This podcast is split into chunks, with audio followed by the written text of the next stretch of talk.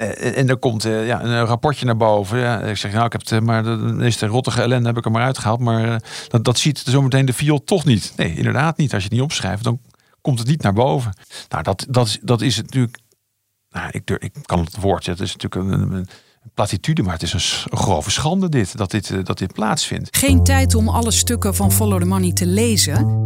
Je kunt ook luisteren naar de voorgelezen versies. Ga voor meer audio naar ftm.nl. De artikelen van Follow the Money komen niet zomaar uit de lucht vallen. Daar gaat heel wat graafwerk aan vooraf. In deze podcast vertellen auteurs van FTM over hun onderzoek en de achtergronden van hun verhaal. Frederik vraagt door. De podcast van Follow the Money. Erik Smit, hallo, welkom in de podcast. Hoi, Frederik. Leuk om er weer eens te zijn. Ja, dat is echt lang geleden. Ik heb het even teruggezocht in het lijstje met afleveringen. Maar de laatste keer dat we elkaar spraken ging het over Henry Keizer. Die uh, eh, 11 miljoen verdonkere maanden. Dat was een maand of drie geleden. En daarvoor, alweer een heel jaar geleden, ging het over de cybercharlatan. En die komt straks ook weer voorbij. Ja, de cybercharlatan. Ja, die komt, uh, die komt nog wel even aan bod uh, vandaag. Zeker, maar is het zo? ik vind dat we elkaar dan wel heel weinig spreken. Ja, nou ja, die corona houdt ons ook apart. Want jij zit nu in de studio bij Follow the Money en ik zit thuis. Ik heb nu een nieuwe opnameomgeving. Ik durf het geen studio te noemen, maar ik uh, praat nu serieus in mijn linnenkast. Oh, nou dat is dan al een uh, flinke linnenkast die je hebt. Nou, niet eens. Maar ik, ik hang dus met mijn hoofd tussen de jasjes en de microfoon staat op de spijkerbroeken. en uh, En dat klinkt, dat klinkt beter dan in de kamer, want daar zat ik de hele tijd onder een deken. Maar goed, genoeg eh, over die details nu. Het geluid is goed. Mooi. Jij hebt een opiniestuk geschreven eigenlijk, hè? zo kan ik het toch wel noemen. Ja, ah, ja nee, klopt. Ja, analyse ook vooral. Eh, maar het, er zit van alles in eigenlijk ook wel zit ook zelfs uh, uh, verslaggeving in. Ik, ik ben bij uh, een zitting geweest waar ik elementen van naar voren haal en beschrijf. maar in feite is het inderdaad opinie. Ja, en daarin betoog jij dat advocaten worden ingehuurd als onafhankelijk onderzoekers in fraudezaken. En dat vind jij geen goede zaak. Um, Nee, dat laatste dat is dan het betoog inderdaad. En dat, dat natuurlijk advocaten Ehm, ingehuurd worden om ehm, eh, onafhankelijk onderzoek te verrichten. Dat is een feit natuurlijk, wat al jaren plaatsvindt. En waar advocatenkantoren eigenlijk ook weer een hele nieuwe bloeiende tak uh, aan overhouden. Het is, het is een nieuwe ehm, ja, businesslijn geworden eigenlijk van ze. Oh, wat ik wilde inderdaad vragen, is dit iets nieuws? Maar het speelt dus al een aantal jaar. Ja, zeker. Ja, dus het, het, het speelt al een aantal jaar. Dat, uh, het, is een, het is een trend die is komen overwaaien uit de Verenigde Staten eigenlijk. Waar advocatenkantoren namens hun cliënten eigenlijk onderzoek doen binnen het bedrijf als zo'n bedrijf is ehm, ja, aangeklaagd of wordt verdacht uh, van fraude. dus dan, uh, wat, wat zo'n bedrijf dan doet, is die huurt een advocatenkantoor in. En dat advocatenkantoor die, gaat, uh, die rukt dat troepen uit, die gaan daar naartoe.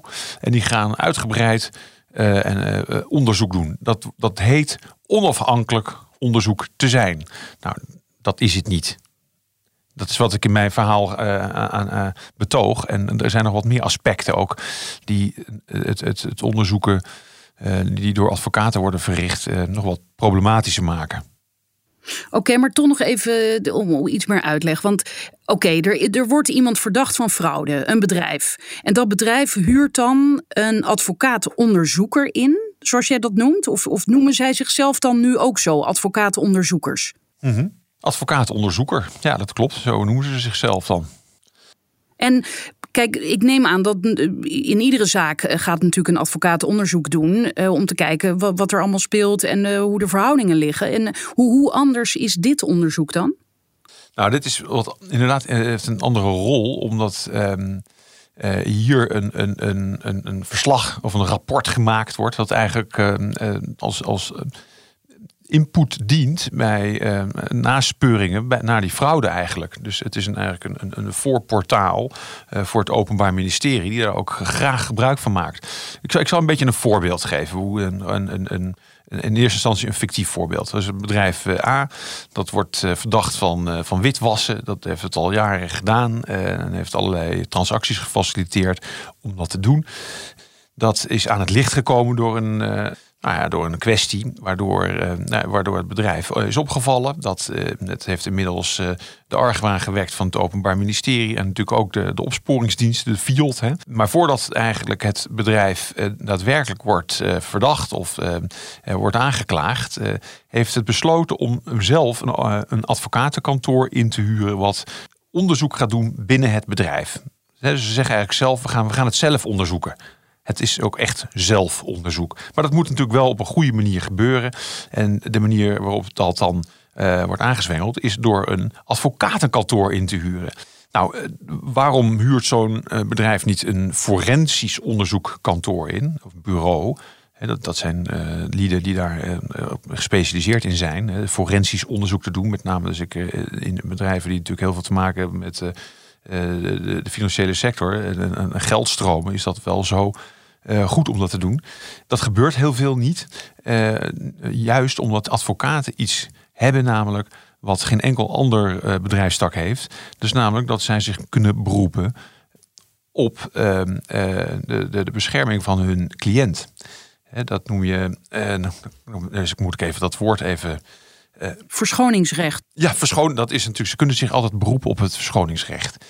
En dat betekent eigenlijk dat je uh, een, een, een, hoeveelheid informatie achter de gordijnen kunt uh, verschuilen. Omdat je natuurlijk nooit je cliënt uh, op, een, op een bepaalde manier in een ongunstig daglicht wil plaatsen.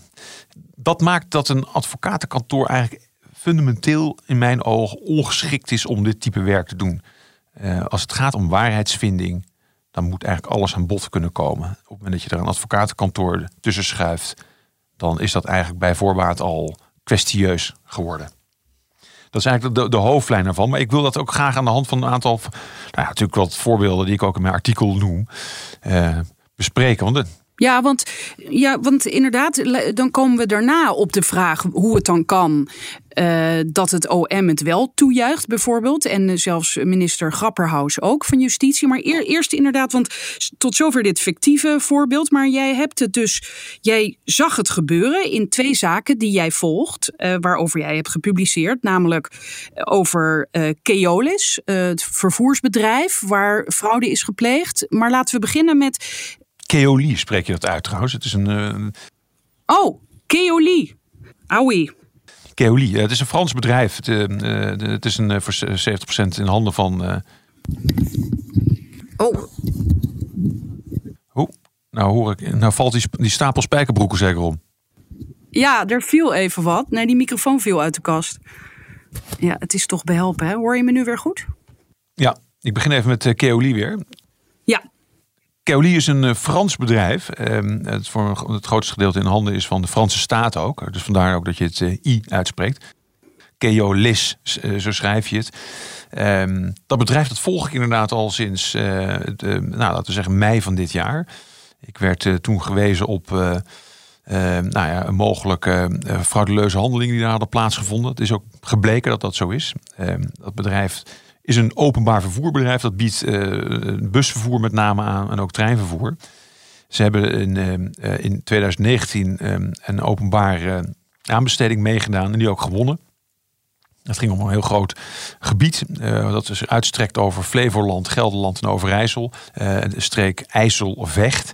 En die hebben ze binnengehaald. En wat bleek nou in, in, mei, toen ik op dat dossier stuitte dankzij eh, een aantal hele goede interne bronnen, dat, dat daar mee gerommeld was. Er waren site letters getekend waarmee eigenlijk vals spel werd gespeeld, uh, zodanig om, om die aanbesteding te kunnen winnen. Nou, dat, dat is allemaal uh, feitelijk onderzocht en, enzovoort. En dat is ook waar gebleken. Maar nu kom ik terug. En wat is er? Sorry. Nou, nog heel even over die sideletters. Daar stond dan in dat um, degene die de bussen zou leveren, eigenlijk moest die binnen een bepaalde tijd natuurlijk leveren. En anders zou die daar een boete voor moeten betalen. Maar in die sideletters stond dan van wij zullen nooit uh, daar een boete ja, het, het, ging niet alleen om de tijdige levering. Het ging ook om productspecificaties. moesten, die, batterijen die, eh, die, moesten aan een bepaalde kwaliteit voldoen. Uh, en daar stonden ook specificaties uh, in genoemd. de accu's eigenlijk. Hè.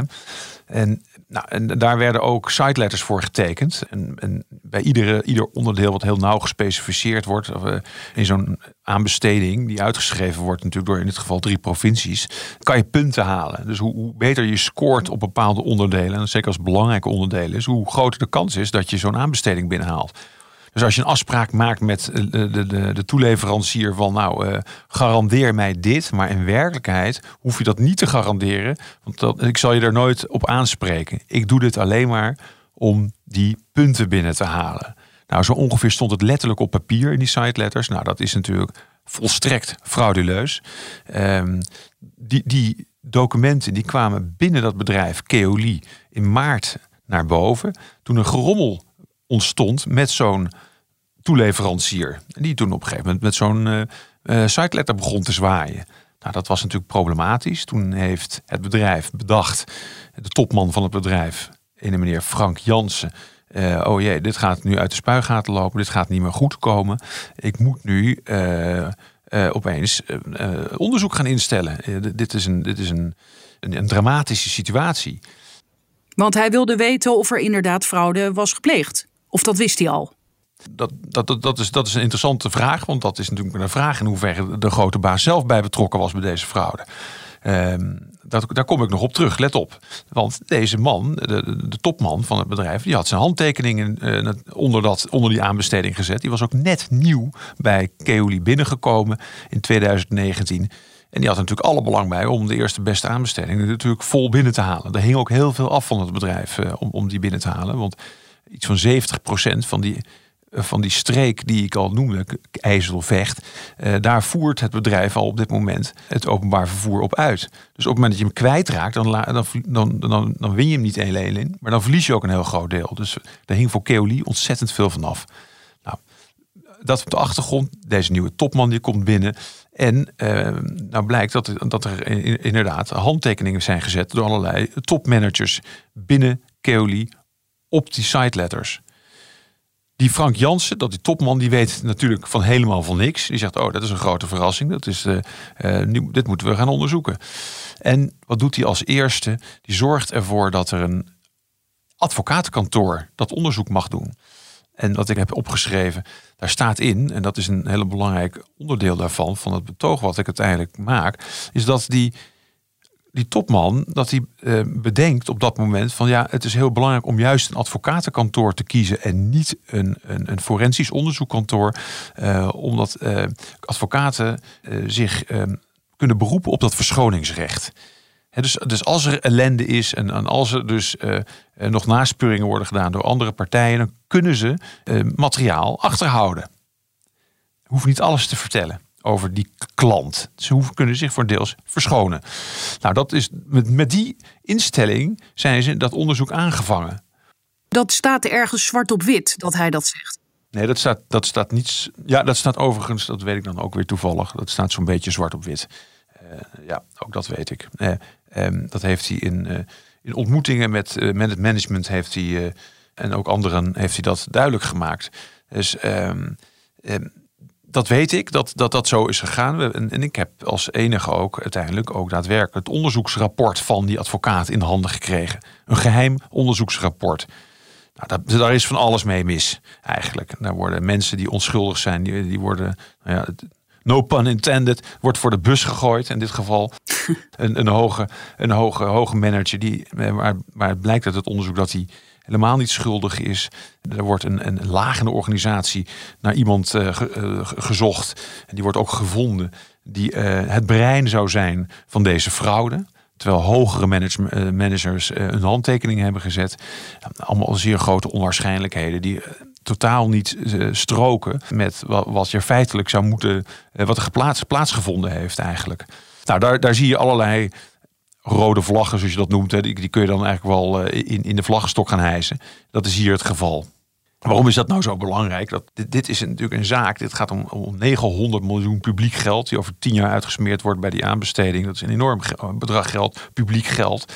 Doordat dit bedrijf even zo'n advocatenkantoor inhuurt, is het bedrijf eigenlijk in staat om eigenlijk die naspeuringen die, die nodig zijn. Uh, waarvan wij met z'n allen, burgers van Nederland en vooral natuurlijk van die provincies, die, die, willen wel weten waar, waar, wat, er, wat daar precies is gebeurd. Nou ja, door, door de inzet van die advocaten zijn ze al in staat om een heel groot deel van, die, van, dat, van het feitelijke onderzoek, van die waarheidsvinding, om dat achter een gordijn te parkeren. En ze hebben gewoon, ze, mogen die, ze hebben die aanbesteding gekregen en gehouden. Hè? Ze, ze gaan het doen. En had daar nog, kan je stellen dat als dit onderzoek was gedaan door, nou wat zei je eerder, door wie werd dit vroeger gedaan? Door. Nou, door een forensisch kantoor, hè? Uh, bureau. Ja. ja, dus stel dat het door een forensisch kantoor was gedaan, was de kans dan groter geweest dat Keoli die hele opdracht kwijt was geraakt, denk je? Nou, dat, die, die twee uh, zou ik niet 1, 2, 3 aan elkaar willen koppelen nog. Want dat, daar speelt nog een, iets anders mee natuurlijk. Is dat je met zo'n ingewikkelde en grote complexe aanbesteding natuurlijk... Dat, dat vervoer in die provincies moet aangeboden blijven. Hè. Dus dat je, je, kunt niet zomaar zeggen van nou, we stoppen er maar mee met die bussen. Uh, en we wachten wel tot er een, een, andere vervoerder zich aandient. Daar kan zomaar twee jaar tussen zitten. Dus, Want er waren bij die aanbesteding waren er geen concurrenten? Ja, waren wel, wel, waren wel concurrenten, maar de, uh, heeft natuurlijk alle maatregelen genomen om, uh, om die concessie in werking te gaan stellen. Dus die hebben al die, die hebben nieuwe bussen besteld. Die hebben, nou, eigenlijk is alles al onderweg. Dus wat er nu is, ze hebben een tussenoplossing bedacht, met andere woorden, om te verzorgen dat in ieder geval het openbaar vervoer aangeboden kan blijven. Dus daar is een noodconcessie uitgeschreven. Die gaat Keoli de komende twee jaar doen. En dan zal voor de rest van die overige periode een nieuwe aanbesteding waarschijnlijk gaan volgen. Maar mogelijk ook Keoli weer aan mee kan doen trouwens. Nou, maar dat even dat als, als kader, hè, dus dat mensen weten dat dat, hoe, dat is best ingewikkeld. Waar het nu gaat om die, om die fraude is natuurlijk, is dat je hier een, een, een heel een fraudecomplex hebt eigenlijk. Een heel, en, en, en dat hier ehm, in, in plaats van dat er inderdaad een forensisch kantoor aan de slag is gegaan, eh, een advocatenkantoor aan de slag is gegaan. Als een forensisch kantoor dat had gedaan, of een bureau, dan hadden ze dat, dat rapport, dat feitelijke rapport, uh, linea recta bijvoorbeeld, naar het Openbaar Ministerie kunnen, ja, kunnen toesturen. En, en hadden al die feiten, die hadden daarin in kunnen staan. Al die bezwarende feiten ook voor, voor betrokkenen binnen die organisatie. Um, een advocatenkantoor die, die, die maakt daar eerst nog een screening over. Want die is behalve een advocaat, zijn ze ook nog eens een keer eigenlijk adviseur van, de, van, van, het, uh, van het bedrijf. Ja, ze zijn de advocaat, ze adviseren. Wat, wat, wat, wat, wat moet u doen eh, gezien de omstandigheden en ook gezien het eh, door ons eh, onderzochte feitencomplex. Dus die kunnen, en dat hebben we ook inmiddels gezien bij andere casussen, daar zal ik er zo een van noemen, die kunnen zaken nou, niet vertellen, maar ze kunnen ook eigenlijk ook andere bedenksels eigenlijk gaan opvoeren. Met andere woorden, een, een, een hele nieuwe waarheid gaan construeren. Dat is bijvoorbeeld gebeurd een aantal jaar geleden bij een zaak, eh, ook op de Zuidas, bij het, eh, het, advocatenkantoor Baker Tully Burke. Eh, dat advies deed naar allerlei ehm, belastingconstructies. Ehm, dat advocatenkantoor heeft toen een collega-advocatenkantoor ingehuurd, Nauta Dutil, om een rapport te schrijven. Nou, en daar was ook weer van alles mee mis. Nou, daardoor is eigenlijk die discussie ontstaan in Nederland. Want dit is even belangrijk om te vertellen. Want waarom vindt het OM dit nou fijn dat advocatenkantoren dit doen? Of überhaupt dat er uh, uh, private partijen zich bezighouden met die opsporing binnen die bedrijven? Is omdat ze eigenlijk. Ja, dat scheelt werk, denk ik. Dat, dat, ja, exact. Het, het scheelt werk. En uh, dus de, met name de opsporingsdienst, FIOT, die hebben natuurlijk een handen vol. En, en dit zijn vaak ook hele lang lopende trajecten waar ze ja, toch teams op moeten zetten. Kost een hoop tijd, kost een hoop geld. Dus het maakt het efficiënter, zou je zeggen, uh, als um, advocatenkantoren uh, zich hierin gaan bewegen. Ja, maar de, de, op papier was dat misschien een goed idee. Maar in de praktijk, tenminste, zo zeg jij, eh, blijkt dat minder goed uit te werken. Ja, in de praktijk is, het, eh, is de keuze voor advocatenkantoor om dit te laten doen een hele slechte. Als je nou ervoor kiest om dat door forensische partijen te laten doen, dan lijkt me dat een prima zaak. Heb jij eigenlijk dat ene advocatenkantoor of dat andere wat je noemt benaderd en gevraagd wat zij zelf vinden van die nieuwe rol tussen aanhalingstekens? Ik heb in eerdere fase al uh, uh, met, met advocaten hierover contact gehad. Maar in dit geval, Keoli, is dit, dit, is, dit is natuurlijk een meta-onderwerp. Ik heb om, om, hun rol in, in, in, deze kwestie te duiden, moet je eigenlijk boven het onderwerp gaan hangen. En deze, het, dit, het, kantoor in, in de zaak Keoli, dat is Kennedy van der Laan, Amsterdam dat, ja, dat, dat zit nog vol in die hele procedure. Dus die, die zijn natuurlijk niet van zins om met mij daar het, het, het meta-gesprek aan te gaan. Nou, dat is jammer. Uh, bovendien blijkt natuurlijk uit hun, uh, uit hun praktijk dat ze heel goed, heel goed vinden dat ze dit wel kunnen doen. De argumenten die ze daarbij aandragen is dat juist dat advocaten, ze vinden van zichzelf, dat ze juist heel goed in staat zijn om afstand te nemen van van die klant. En dat ze wel degelijk in staat zijn om een onafhankelijke positie in te nemen. Dan komen we nu bij de tweede zaak die jij opvoert in je artikel. En dat is um, de advocaat van Sandrink, die zich ook onafhankelijk noemt.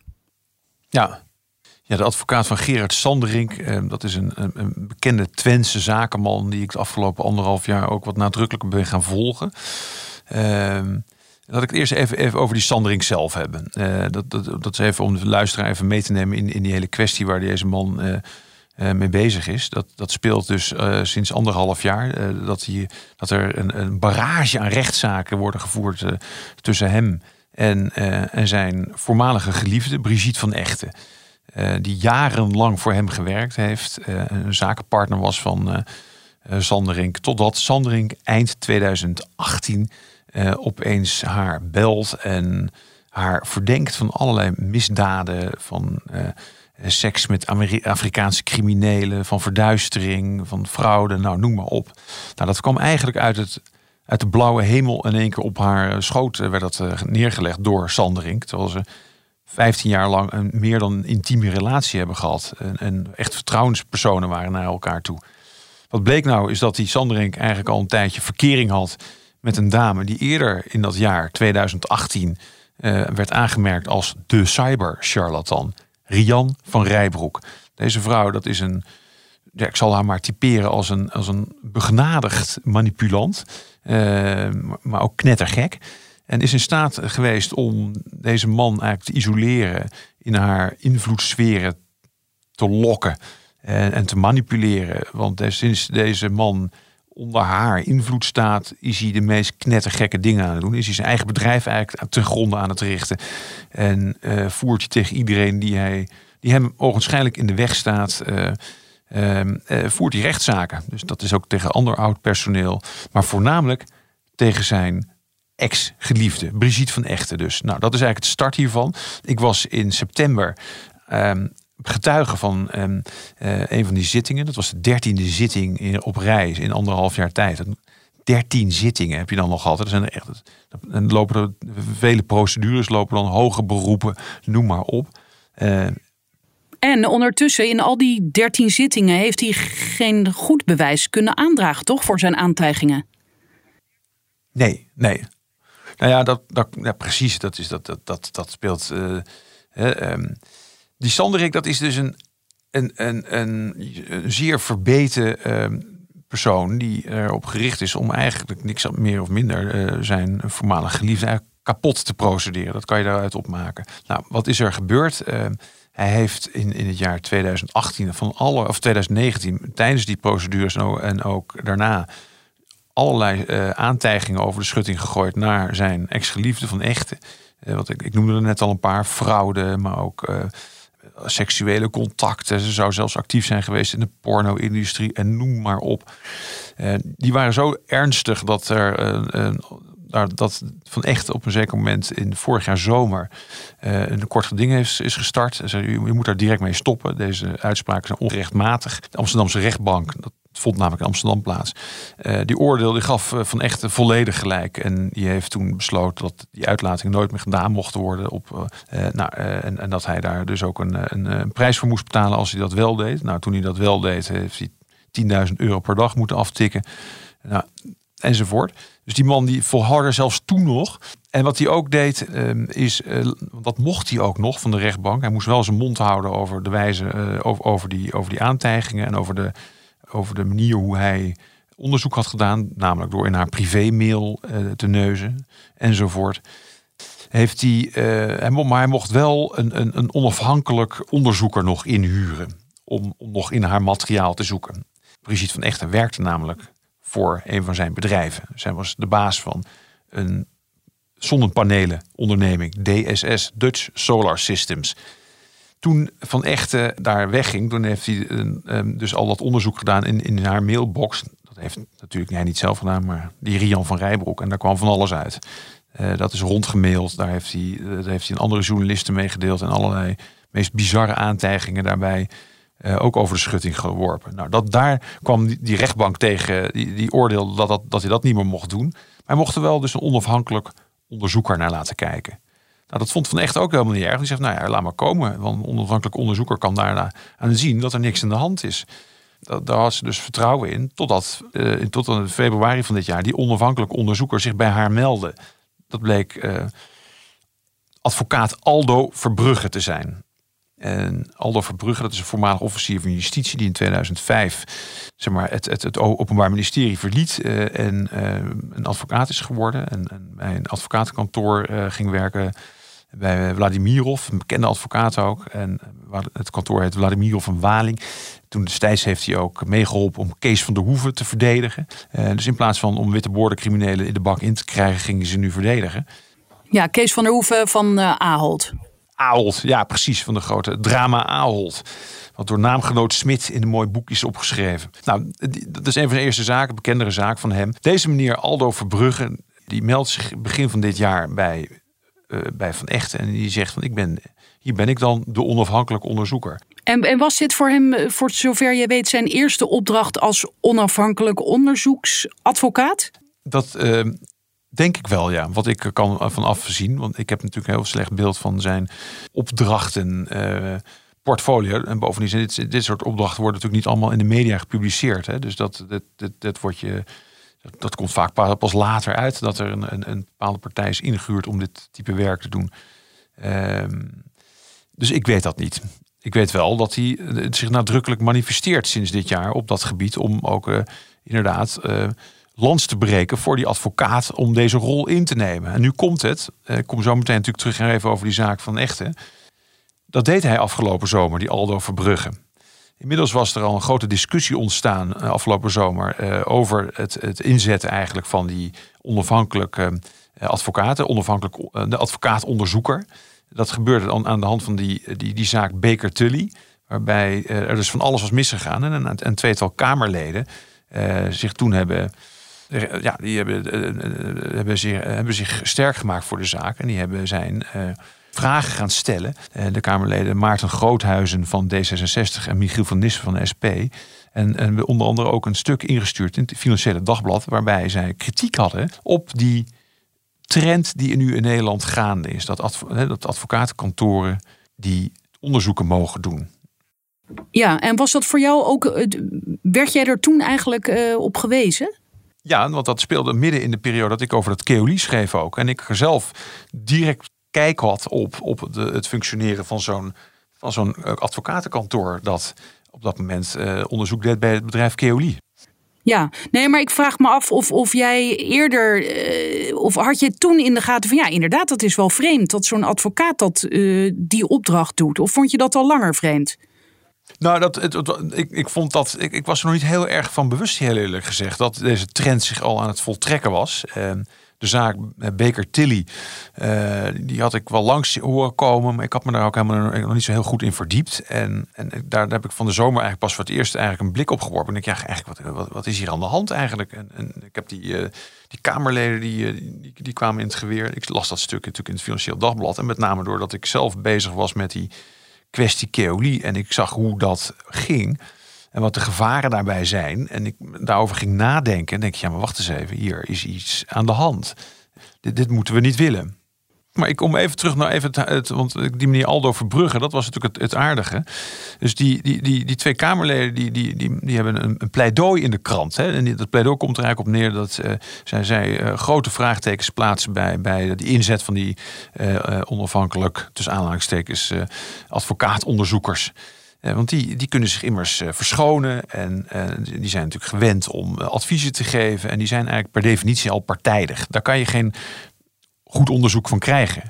Uh, dus dat, dat, dat moeten we dan ook niet willen, was eigenlijk zo'n beetje hun betoog. Daar kwam tegenin, werd tegenin gebracht, een week na dat artikel, dat artikel in de krant stond, was het de advocaat, jawel, daar komt hij dan, Aldo Verbrugge, uh, die daar iets tegenin bracht in de krant. Die, die betoogde, zei van ja, wacht eens even, die advocaten kunnen wel degelijk uh, heel onpartijdig zijn. Want die kunnen ook uit meerdere lagen van een organisatie een opdracht krijgen. Ook van onverdachte vertegenwoordigers, betoogde hij. En bovendien is het, is, het, is het heus niet zo makkelijk om het Openbaar Ministerie te, te misleiden. Hij had er zelf tenslotte ook gewerkt, dus hij, hij, weet, hij mag dat weten. Ja, nou, ik moet zeggen, toen ik dat las, dacht ik, ja, misschien heeft hij hier wel een punt. Welk punt specifiek doe jij dan op? Nou, dat het OM niet zo eenvoudig te misleiden is.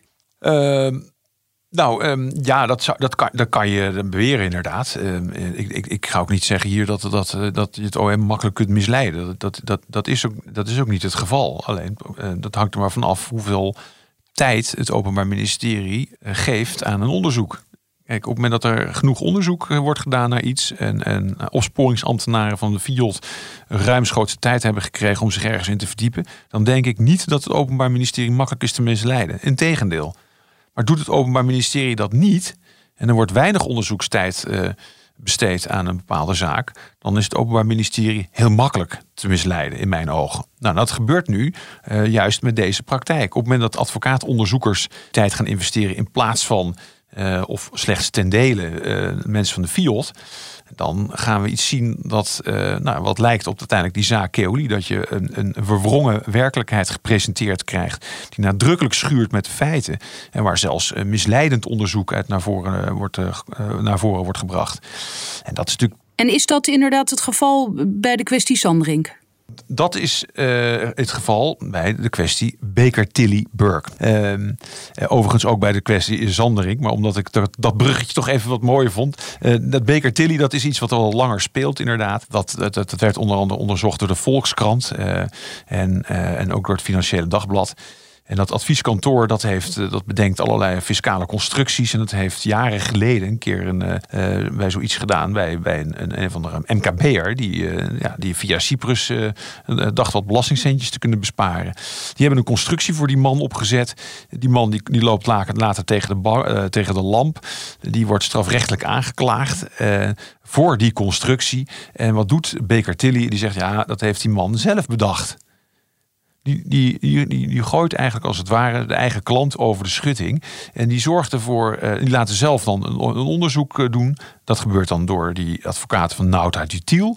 En die komen met een rapport waar dit in staat. Oh ja, maar dit is ook wel interessant dat de, de onderzoeksadvocaten laten een ander kantoor en andere onderzoeksadvocaten hen weer onderzoeken. Dit is wel. Uh... Nee, Baker Tilly waren op dat moment geen onderzoeksadvocaten. Die waren op dat moment adviseurs natuurlijk van die, van die MKB'er om, om een fiscaal uh, uh, product aan te bieden. Wat ze ook gedaan hebben, waar ze geld aan verdiend hebben enzovoort. En wat ze natuurlijk ook bij heel veel andere klanten gedaan hebben. Nou, wat ze hier gedaan hebben is uh, precies het eigenlijk wat je ook bij, bij Keoli weer terugziet. Ze probeert weer terug te brengen naar een incident. Ze probeert zo laag mogelijk in de organisatie neer te leggen. Het is een incident, ja nee, de top heeft er niks mee te maken. Kan een keer gebeuren. En bovendien, degene die het echt bedacht heeft, dat zijn wij niet zelf. Dat is die klant geweest. Ja, hoe waarschijnlijk is dat? Nou, dat, dit komt ook allemaal in, een, in het rapport van Nauta naar voren. Uh, dat is door Volkskrant en het Financiële Dagblad hebben dat uh, beschreven. Uh, die ondernemer en meneer Klaver, die, uh, die wordt daar natuurlijk verschrikkelijk mee genaaid. En die is daar natuurlijk hard tegen ingegaan. En die, ja, die heeft daar het nodige aan nieuwe feiten naar voren gebracht. Waaruit blijkt inderdaad dat, dat, dat er op grote manier, op, op een grove manier met de hand is gelicht met, met, de, met de feiten. En dat heeft, daar hebben twee advocatenkantoren aan meegewerkt. Natuurlijk Baker Tilly als bedrijf wat natuurlijk het, het advies pleegt. Maar ook de onderzoekers, de advocaatonderzoekers van Nauta, Dutiel, die een, een rapport aanleveren waar in feite een heel valselijk uh, feitencomplex wordt uitgeserveerd. Nou, dat, dat, dat is natuurlijk. Nou, ik, ik kan het woord. Het is natuurlijk een, een platitude, maar het is een grove schande dit, dat dit, dat dit plaatsvindt. Nou, deze praktijken, dit wat je hier ziet eigenlijk bij Baker Tilly, dat is in, in, in feite ook aan de hand bij, in een mildere versie weliswaar, maar ook aan de hand, dezelfde patronen herken je uh, bij Keoli. En in feite is dit iets wat je de receptuur is, eigenlijk, is er eigenlijk dat dit bij iedere zaak die, die plaatsvindt, dat dat uh, zogenaamd onafhankelijk advocaatonderzoekers, die, die, die door de eigen opdrachtgever worden ingehuurd natuurlijk, dat, dat die dit op deze manier gaan aanpakken. Dit is een zeer onwelkome manier om in Nederland uh, financiële nou ja, witte boordencriminelen aan te pakken dit gaat het alleen maar veel, veel moeilijker maken. En ja, dit, dit, dit, gaat, het is een receptuur voor heel veel ellende, in mijn ogen.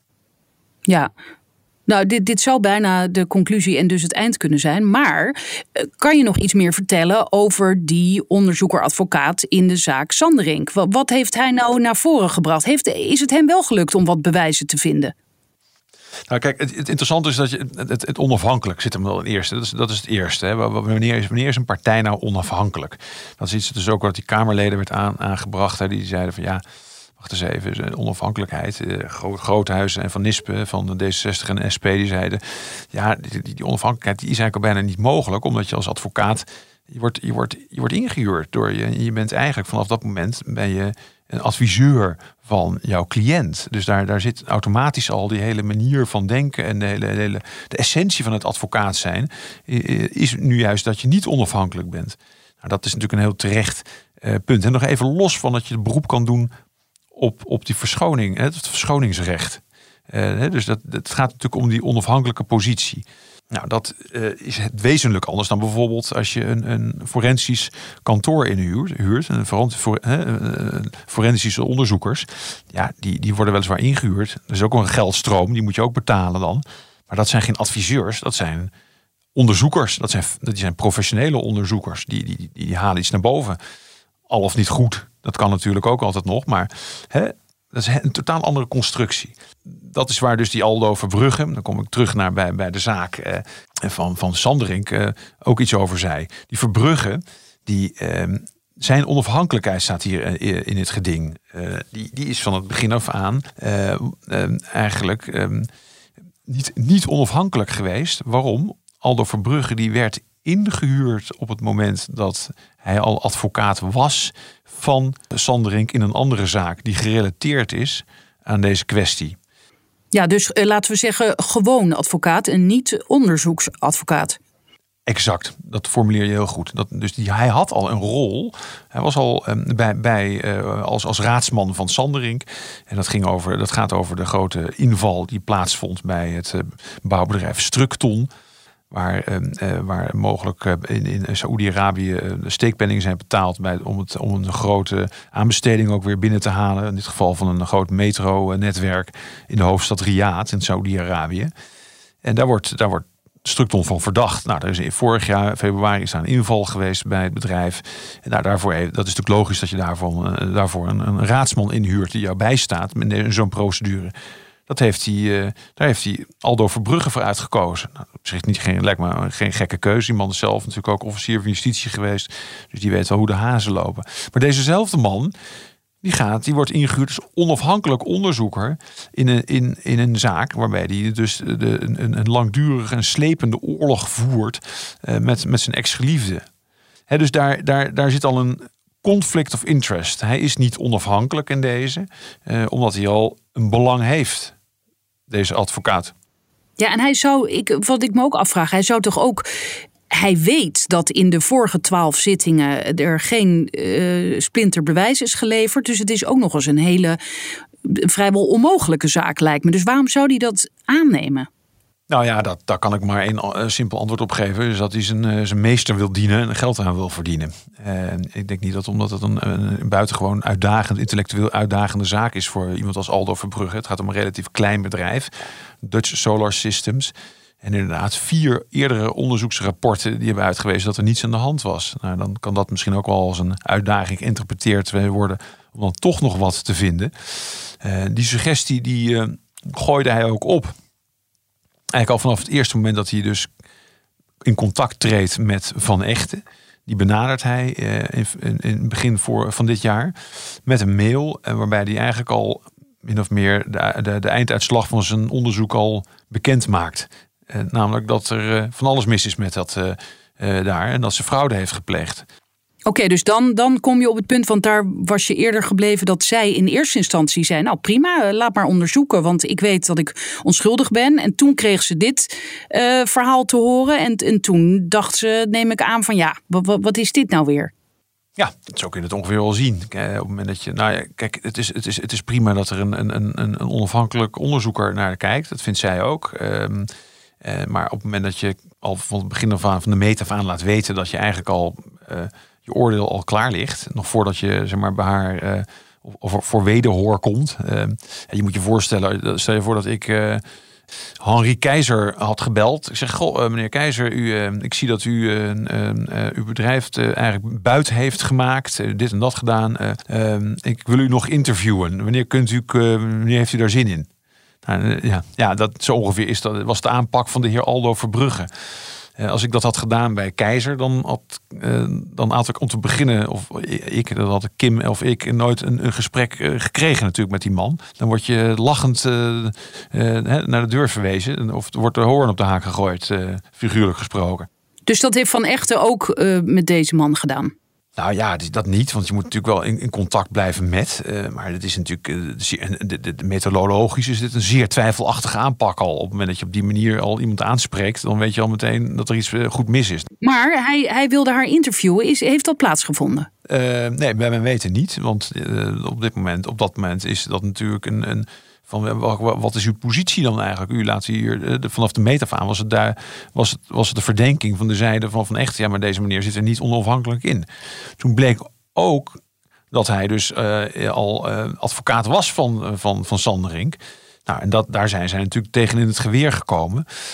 Zij, dat bedoel ik, die van Echte mee en haar advocaat. En die hebben dat aangebracht in een van die vele rechtszaken die er lopen. En dat werd uh, begin van deze maand uh, werd oordeelde de Arnhemse rechtbank of het Hof uh, in, in Arnhem dat ze daarin gelijk hadden. En dat inderdaad die Aldo Verbrugge helemaal niet onafhankelijk is. Vanwege die werkzame voor, werkzaamheden voor Sanderink. En ook vanwege het feit dat hij in een eerdere situatie al, al in april al feiten had doorgespeeld, althans vroegtijdige bevindingen uit zijn onderzoek, aan een andere advocaat van Sandering, die dat weer gebruikte in de aantijgingen naar Van Echten toe. Oh. Dus hij heeft ook nog onder één, hij heeft ook nog onder één hoedje gespeeld met een andere uh, advocaat. Oké, en na de uitspraak van deze rechter is hij toen gestopt als uh, advocatenonderzoeker in deze zaak? Nou ja, dat is nog maar de vraag. Want die, die uitspraak is nog maar van, van, van, van ruim een week geleden eigenlijk. Uh, het is zeer twijfelachtig of hij deze, deze rol nog kan waarnemen, inderdaad. Dat uh, lijkt mij niet, eerlijk gezegd. Uh, en, als hij dat wil doen, dan gaat hij. Uh, nou, hij heeft zichzelf sowieso al voor lul gezet. Eigenlijk de manier waarop hij deze zaak heeft aangepakt. De, de, de, type vragen die hij heeft gesteld. Zijn gedraging natuurlijk ook die rechtszaak, dat beschrijf ik ook. Dat hij een advocaat van, van echte, dat hij die. uitscheldt voor keffertje tijdens zo'n zitting. Maar, nou, dat mm. Ik heb, ik heb echt nooit zoiets meegemaakt. Deze man die, die sport gewoon, denk ik, niet helemaal. Aldo Verbrugge. Heeft, een, heeft best een behoorlijke positie in, in Nederland uh, verworven, een naam. Maar wat ik daar heb gezien, dat, uh, en ook de, wat ik uit zijn teksten uit, opmaak, dat is, dat, dat, is ongehoord. Dat heb ik echt nog nooit meegemaakt. Oké, dus dat is dan weer een extra schepje erbovenop. Maar even uh, concluderend eigenlijk, uh, hiermee eindigt jouw betoog ook in je artikel, uh, waarin je aantoont van ja, advocaten moeten dit helemaal niet willen, zoals je dat tegenwoordig zegt. Maar waarom, dan kom ik terug bij die vraag van mij in het begin, waarom juicht Grapperhaus, de minister van Justitie, dit toe? Nou, vanuit de, de, theorie is natuurlijk, en die komt natuurlijk ook vanuit het Openbaar Ministerie, dat is natuurlijk ook waar in feite de, de, de eindverantwoordelijke voor is daar zien ze gewoon dat dit efficiënt kan zijn. Dat het veel onderzoekstijd kan schelen. Dat dit uh, het kan helpen om meer zaken gedaan te krijgen. dat, dat, wordt dan aangemoedigd als een publiek-private samenwerking. En, maar is dat ook aangetoond dat er tijd is bespaard? Uh, Nee, dat, dat, dat is, dat is een, uh, een, een, een vooronderstelling die, uh, laten we zeggen, niet wetenschappelijk is aangetoond, uh, vermoed ik. Nee, het is een trend die min, min, of meer is komen overwaaien uit de Verenigde Staten, waar dit ook al een staande praktijk is. En, en de theorie is eigenlijk dat, dit, dat, het, dat het zo werkt. Hè? Dus het is handig om dat te doen. Op die manier kunnen we, hebben we een soort van pijplijn aan zaken, fraudeonderzoeken die uh, eigenlijk privaat worden uitbesteed. Uh, er hoeft maar een verdenking te zijn. Oh, wacht, nou, laten er gewoon een paar advocaten, eh, die worden gewoon ingehuurd door het bedrijf dat hetzelfde fraude heeft verricht. hey, ik heb fraude verricht. Goh, jeetje, wat had ik niet moeten doen. Weet je wat, ik ga mijn advocaat inhuren. En die gaat dan even naar mijn eigen fraudehandelingen onderzoek doen. Nou, bel mijn advocaat eens even op. hey, Harry, hoe is het ermee? Ja, ik heb weer iets stouts gedaan. God, joh, had je niet moeten doen. Huurt Harry in en nou, Harry komt dan dat onderzoek doen.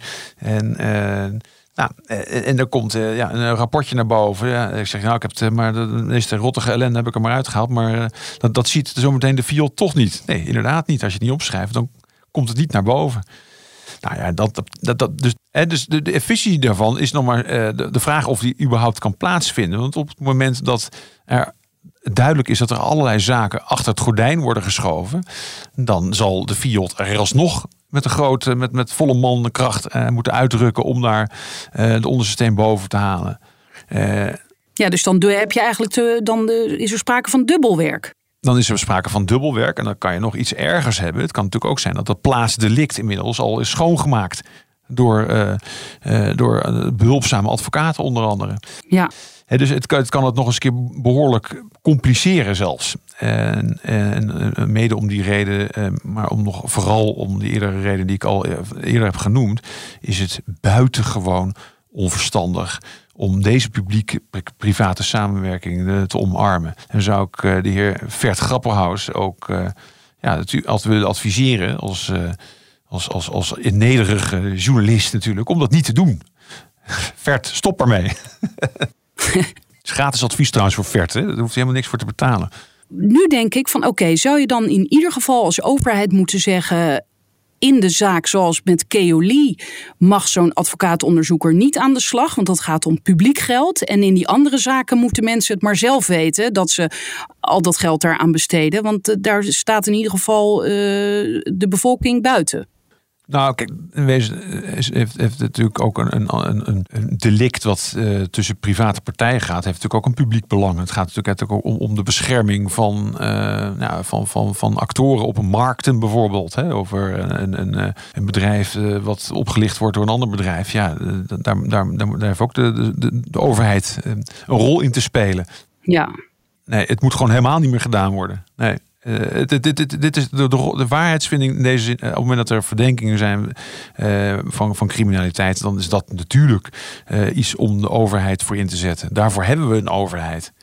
Het gaat een, een, een goede, stevige overheid die ook nog eens efficiënt is georganiseerd, die kan dat ook goed. Oké, okay. dit, dit was mijn advies aan Grapperhaus, maar dat is een slecht advies. Oké, okay. dankjewel. Ja, graag gedaan.